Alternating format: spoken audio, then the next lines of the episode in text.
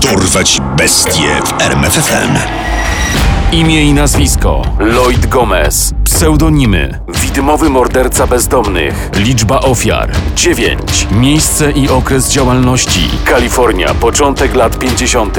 Skazany na karę śmierci.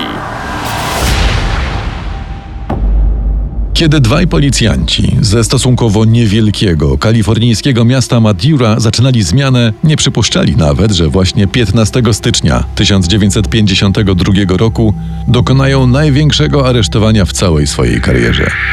Nie spodziewali się tego nawet wtedy, gdy zatrzymali włóczęgę z wielką krwawiącą raną biegnącą przez całą twarz. Włóczęga nazywał się Lloyd Gomez i kilka godzin po tym, jak trafił do aresztu, postanowił opowiedzieć swoją mrożącą krew w żyłach historię.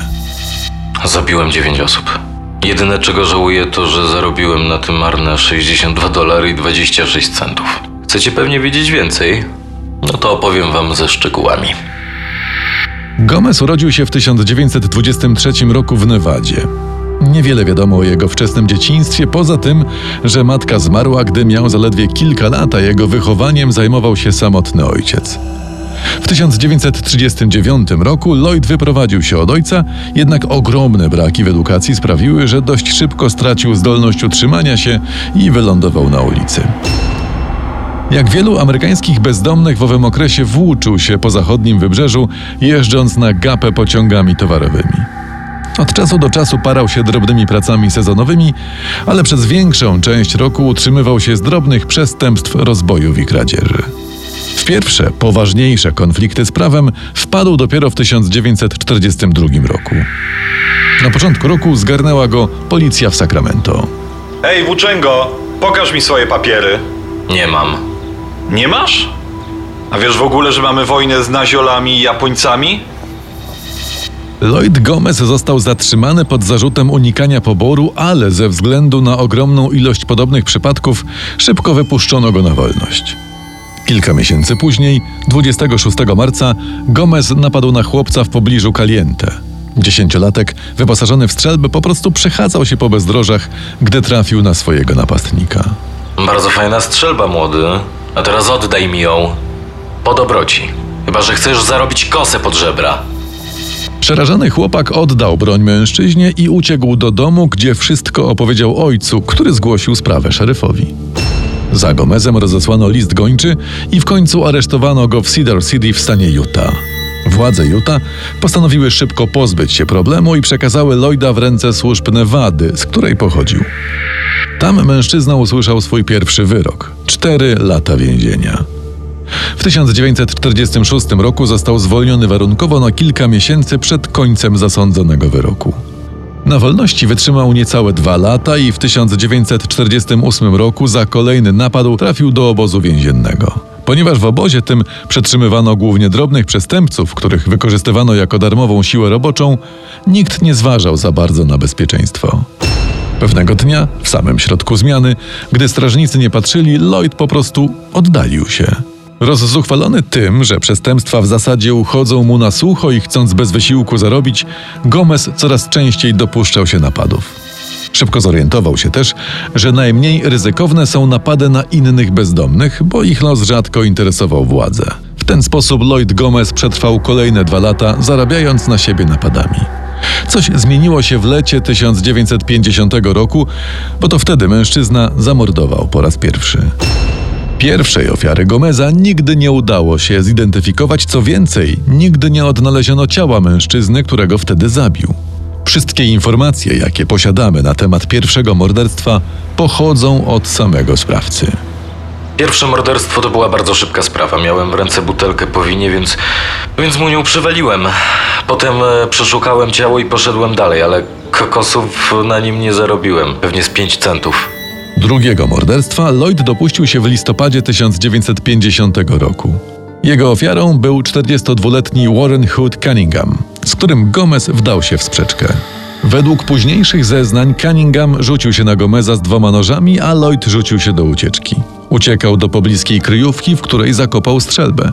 Następnie wrócił na miejsce, w którym spotkał Cunninghama, odszukał go i zastrzelił. Świadkiem całego zdarzenia był niejaki John Kapusta, który poszedł opowiedzieć o zajściu szeryfom. Niestety, ponieważ nie widział na jedno oko, nie był w stanie dokładnie opisać sprawcy. Osiem dni później Gomez był już w okolicach Mojave, choć nadal miał za sobą strzelbę, którą zabił Cunninghama. Przemierzając okolice, natknął się na 50-letniego Earla Franklina Woodsa. Lloyd, niewiele się zastanawiając, chwycił za kamień i zatługł bezdomnego, a następnie obrabował jego zwłoki. Po morderstwie Woodsa coś go tknęło i postanowił pozbyć się strzelby, której użył do zabicia poprzedniej ofiary. Decyzja ta prawdopodobnie uratowała go przed długą odsiadką, bo niedługo po zakopaniu broni w drodze do Los Angeles natknął się na patrol policji. Niby nie masz niczego nielegalnego, ale coś ci źle z oczu patrzy. Przymkniemy cię za włóczęgostwo, tak profilaktycznie. Gomez spędził 30 dni w areszcie, a po wyjściu na wolność chwilowo zawiesił swoją morderczą działalność. Chęć na zabijanie wróciła mu dopiero w lecie 1951 roku. Tym razem od maja przez kolejne cztery miesiące zabił sześciu mężczyzn. Zaczął od odpoczywającego w pustym wagonie kolejowym Elmera Kuszmana, którego pobił na śmierć, a następnie obrabował. Na tej zbrodni zarobił 16 dolarów. Dziesięć dni później zabił kolejnego mężczyznę. Tym razem jako narzędzie zbrodni wykorzystał znalezioną nieopodal deskę. W płaszczu niezidentyfikowanego bezdomnego znalazł 20 dolarów.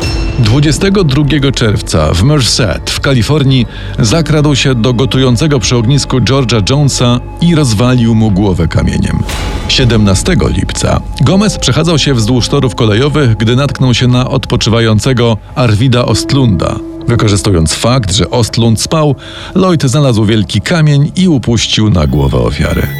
Swoją ósmą, niezidentyfikowaną do tej pory ofiarę również znalazł koło torów kolejowych. Kilka dni po morderstwie, 16 sierpnia, w stojącym na bocznicy wagonie kolejowym Gomez odnalazł śpiącego Roya Chestera. Zamordował go, podobnie jak większość swoich późniejszych ofiar, upuszczając głaz na jego głowę. Policja zdawała sobie sprawę, że w okolicy może grasować seryjny morderca, ale ponieważ ofiarami byli bezdomni i włóczędzy, poszukiwania sprawcy nie były zbyt intensywne. Dlatego tak wielkie było zdziwienie dwóch policjantów z Madiry, którym przypadkiem udało się aresztować Gomeza i wysłuchać jego rewelacji.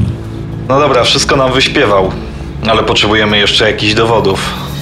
Śledczy skupili się na morderstwie Cunninghama, bo w tym wypadku dysponowali również dowodami. Strzelbą, którą Gomez ukrył na pustyni i zeznaniami Johna Kapusty, który rozpoznał Gomeza po głosie.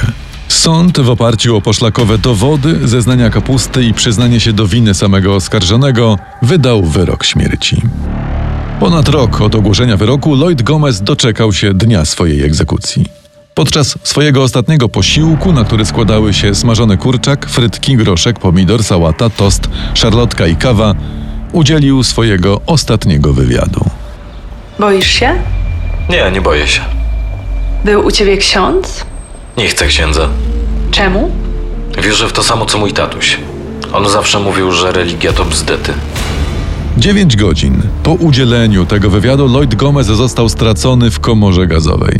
W tym czasie jego ojciec Manuel odsiadywał swój własny wyrok za morderstwo w Nevadzie. Powodu wrzodów większość swojego wyroku spędził przykuty do łóżka. Zmarł zaledwie cztery miesiące po egzekucji syna. Poznaj sekrety największych zbrodniarzy świata. Dorwać bestie w RMFFM.